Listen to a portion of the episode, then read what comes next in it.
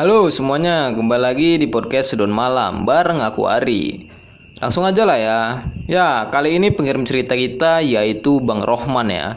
Sesuai judul yang kalian lihat, aku akan membacakan cerita atau pengalaman dari Bang Rohman ini. Oh iya, kalau kalian ingin lihat cerita dari narasumbernya langsung, bisa kunjungi YouTube kita ya di Sedon Malam. Dan jangan lupa di subscribe ya. Oke, langsung aja, nggak usah berlama-lama lagi. Jangan dengar sendirian, kalau kamu penasaran.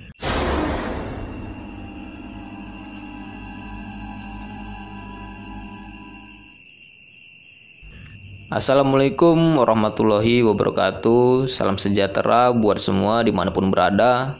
Kenalin nama saya Rohman.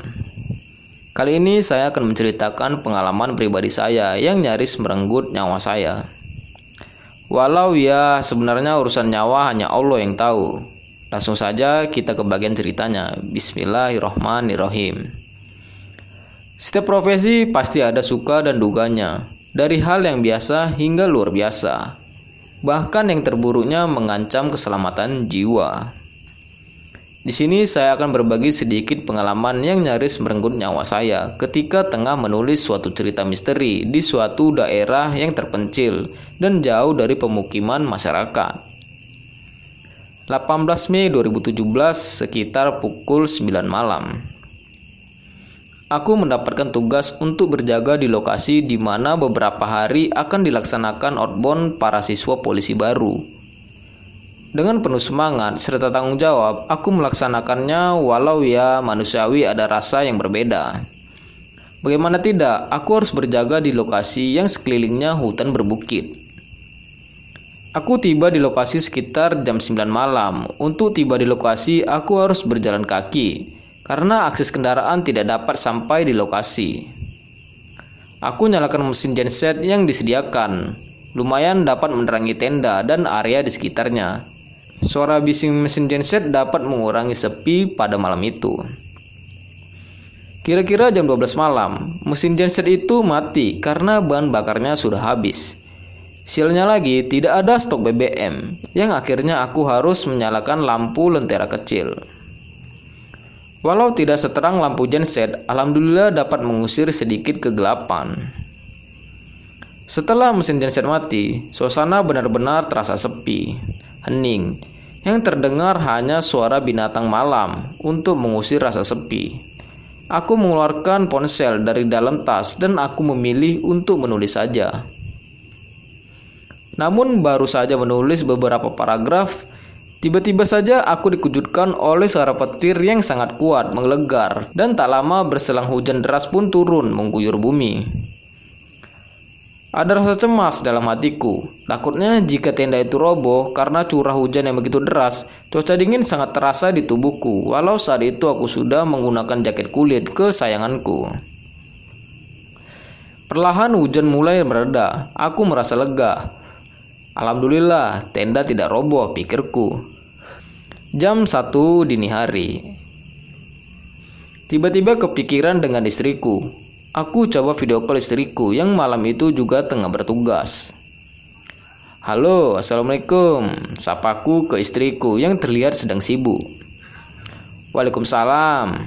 Ayah tugas sama siapa? Tanya istriku menanyakan jika saat itu aku berjaga dengan siapa. Ayah sendiri bun, jawabku sembari tertawa. Mendengar jawabanku jika aku saat itu sendiri, terlihat dari raut wajahnya berubah. Istriku mengkhawatirkanku, lalu ia berkata, Ayah, hati-hati ya. Ucapnya singkat. Hehehe, iya bun, tenang saja, ayah bawa ini. Jawabku seraya menunjukkan senjata ke layar ponsel. Tujuanku agar istriku tenang. Singkat cerita, setelah selesai video call dengan istriku, kembali lagi aku melanjutkan menulis. Namun tiba-tiba saja dikejutkan oleh suara tawa ngakak seorang laki-laki. Suara itu pun pelan dan terdengar seperti jauh. Sejenak aku menghentikan kegiatanku. Aku pertajam pendengaranku serta aku sapukan pandangan mataku ke segala arah. Hanya kegelapan malam dan deriti hujan gerimis saja. Kembali perhatian mataku ke layar ponsel dan fokus berpikir menyusun kata-kata yang tepat untuk cerita yang sedang aku tulis. Kembali lagi aku dengar suara tawa itu lagi, bahkan kali ini terdengar ramai. Aku hentikan kegiatanku lagi. Aku angkat kepalaku dan aku arahkan pandangan ke sebelah kanan. Di balik pepohonan aku melihat banyak orang tengah berjalan dengan masing-masing membawa obor. Serombongan orang berjalan seperti tengah pawai dengan tatapan wajah lurus ke depan. Aku terus memperhatikan mereka hingga benar-benar tak terlihat di pengkolan jalan. Setelah mereka tidak terlihat lagi, aku kembali duduk di kursi dan kembali menulis. Aku sangat nyaman dan fokus ketika saat itu. Namun sesaat kemudian aku dikejutkan oleh kelabatan hitam seperti bayangan dari sebelah kananku. Refleks aku menoleh ke kanan, namun tidak aku temukan apa pun selain kegelapan. Sempat aku berpikir, Posisi lampu lentera tepat di hadapanku. Tentunya jika ada bayangan yang bergerak seharusnya melintas di antara aku dengan lentera. Sementara jelas yang berada di sana saat itu hanya aku. Seketika bulu romaku meremang, ditambah tenda tiba-tiba bergoyang pelan, walau jelas saat itu tidak ada angin berhembus. Saat itu aku mulai mengerti bahwa aku tengah kedatangan tamu. Aku berbisik pelan, Aku di sini menjalankan tugas. Mohon maaf jika merasa terganggu dan jangan ganggu aku. Kita sama-sama ciptaan Allah. Demikian ucapku pelan. Dicit kicau burung dan suara siamang bersautan menjambut datangnya hari. Perlahan saat mentari mulai menampakkan sinarnya. Subhanallah, begitu indah terlihat alam di sekitarku, dengan kabut putih masih terlihat menggumpal. Udara terasa sangat segar. Aku melangkah keluar dari tenda dan berjalan ke sebelah kanan. Kira-kira 20 meter dari tenda. Di saat itulah aku sempat mengeringkan kening, mengingat apa yang aku lihat tadi malam. Sangat jelas dan nyata tadi malam ada banyak orang tengah berjalan dengan membawa obor seperti tengah pawai. Dan saat ini yang ada di hadapan sebuah sungai yang dalam dan lebar dengan arus lumayan kuat. Seketika bulu romaku meremang, jantungku berdebar. Berulang aku istighfar hingga merasa tenang. Beberapa saat kemudian, aku kembali tenang dan rasa was-was akan kejadian yang dialami teralihkan oleh pemandangan alam di sekitar semakin terlihat. Seiring cahaya sang mentari semakin terang, sempat aku mengabadikan suasana di sana dengan selfie dan video. Jam 9 pagi hari, ada seseorang datang ke tenda. Aku tidak mengenalinya. Namun setelah mengobrol, ternyata dia warga setempat yang diminta ketua panitia sebagai penunjuk lokasi. Di sela kami mengobrol, sempat warga tersebut berkata, "Di seberang sungai itu ada makam keramat, Pak." Demikian ucapnya, mengatakan jika di seberang sungai yang tak jauh dari tenda itu ada beberapa kuburan keramat. Mendengar cerita warga yang diketahui bernama Mustadi itu, aku merasa terkejut dan memancing aku untuk bertanya. Oh, di sana ada kuburan keramat ya? Itu kuburan siapa? Dan sebagai apa dahulunya sehingga kuburannya dikeramatkan? Demikian tanyaku penasaran. Wah, kalau itu saya kurang tahu, Pak. Cuma memang pernah beberapa tahun yang lalu di sekitar sini ada kelompok pramuka yang berkemah dan ada korban meninggal satu orang, Pak. Jawab Mustadi menceritakan kronologis kejadian beberapa tahun lalu di daerah tersebut. Tanggal 19 Mei 2017. Setelah beberapa anggota lain datang, aku bersiap untuk pulang karena hari itu aku tidak ada surat perintah untuk melaksanakan tugas lain. Namun sempat aku mengobrol dengan salah satu anggota dan kebetulan dia letingku. Kom, badanku kok nggak enak ya? Terasa meriang, tapi tidak dingin, justru panas. Demikian ucapku mengeluhkan rasa tubuhku saat itu. Mungkin kamu masuk angin, jawabnya kepadaku. Bisa jadi, nantilah aku diurut. Soalnya benar-benar gak enak kom. Aku gak pernah begini biasanya. Jawabku lagi dan sekalian pamit pulang. Di perjalanan pulang, tubuhku semakin terasa tidak nyaman. Beberapa kali mobilku nyaris nabrak mobil lain. Dalam hati aku terus beristighfar. Apalagi perjalananku masih jauh, kira-kira masih 80 km lagi. Setibanya di rumah, aku langsung masuk ke dalam kamar dan hendak mandi. Namun di saat aku membuka baju, aku terkejut melihat tubuhku penuh dengan bentolan warna merah, tapi tidak terasa gatal atau sakit. Setelah selesai mandi dan melaksanakan sholat fardu zuhur, Aku makan siang bersama karena kebetulan saat itu abang iparku baru saja datang dari Jakarta bersama keluarganya. Sembari makan, kami mengobrol saling menanyakan kabar.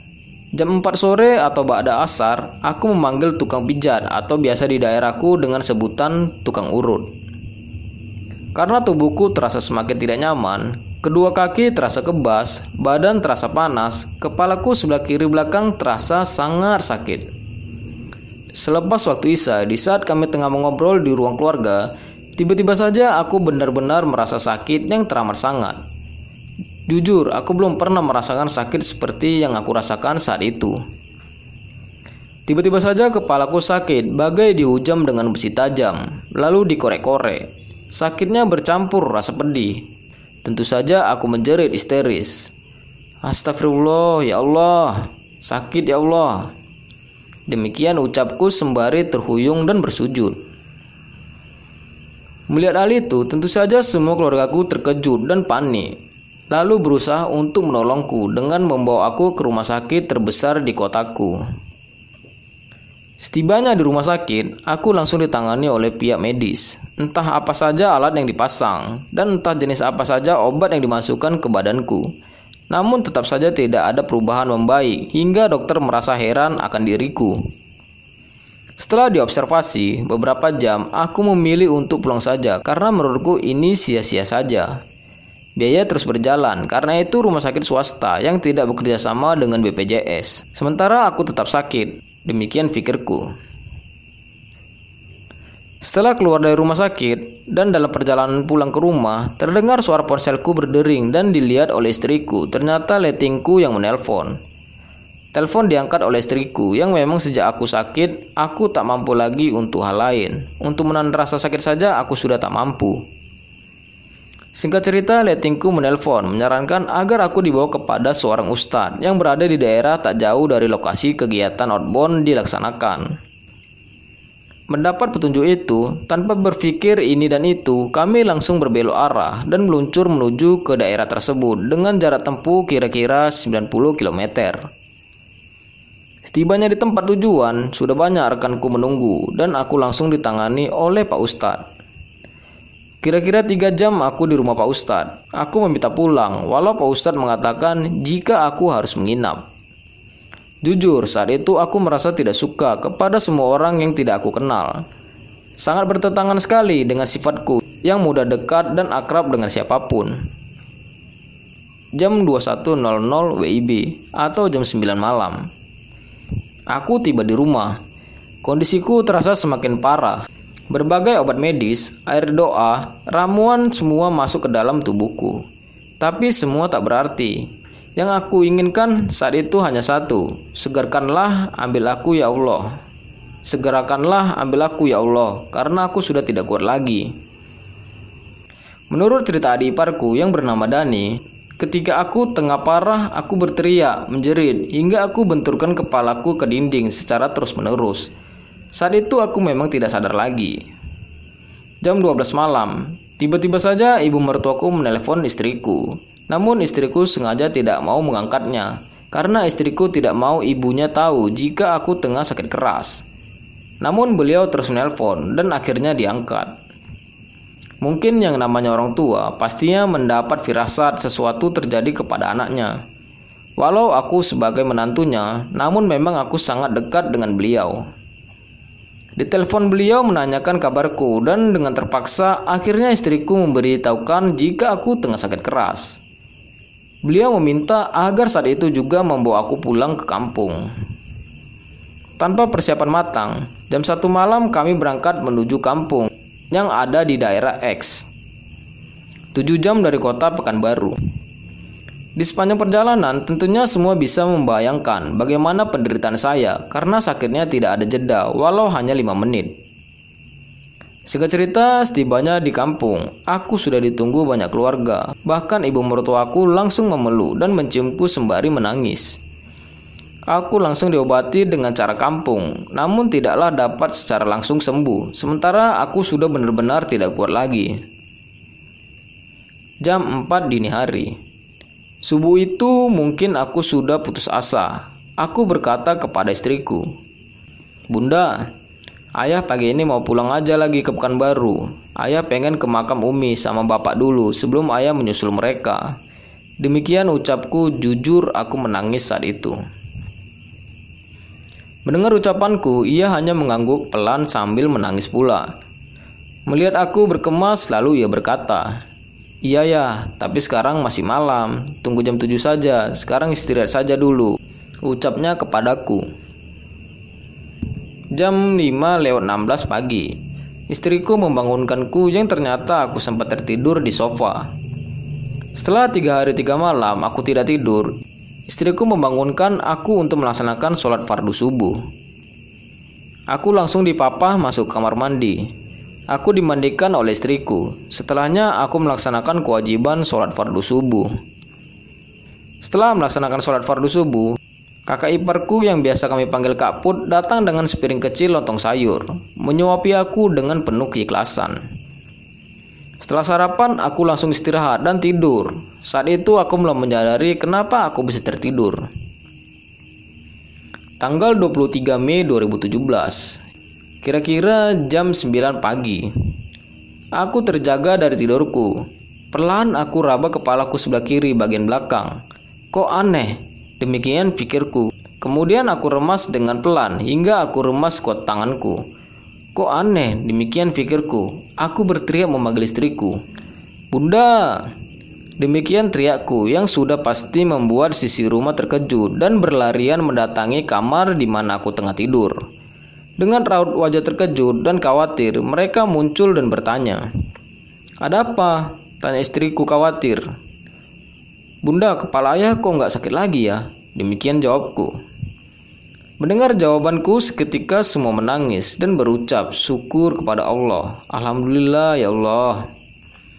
Singkat cerita, hingga saat ini saya sangat bersyukur karena Allah yang Maha Baik masih memberikan kesempatan untuk hidup dan sehat kembali serta keluarga dan orang di sekeliling saya yang begitu baik dan peduli dengan saya. Keterangan yang mengobati saya yang di kampung hampir sama dengan keterangan Ustadz yang mengobati di baru. Bahwa penunggu lokasi di mana tempat yang dijaga saya ingin menyatu dengan saya. Namun penjaga atau apalah yang ada pada tubuh saya menolak, walau alam. Mungkin hanya ini yang bisa saya ceritakan pengalaman saya. Mohon maaf jika banyak tipu dari kisah ini. Mohon doanya ya, sahabat semua, agar saya sehat terus. Saya aturkan banyak terima kasih. Wassalam.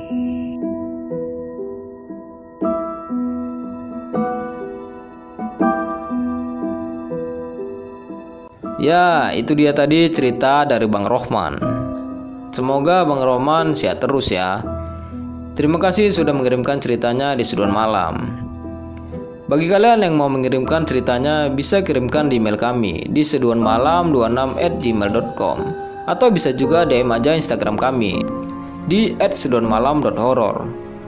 Oke, mungkin sampai sini dulu ya. Aku Ari pamit. Selamat malam. Sampai jumpa di episode selanjutnya.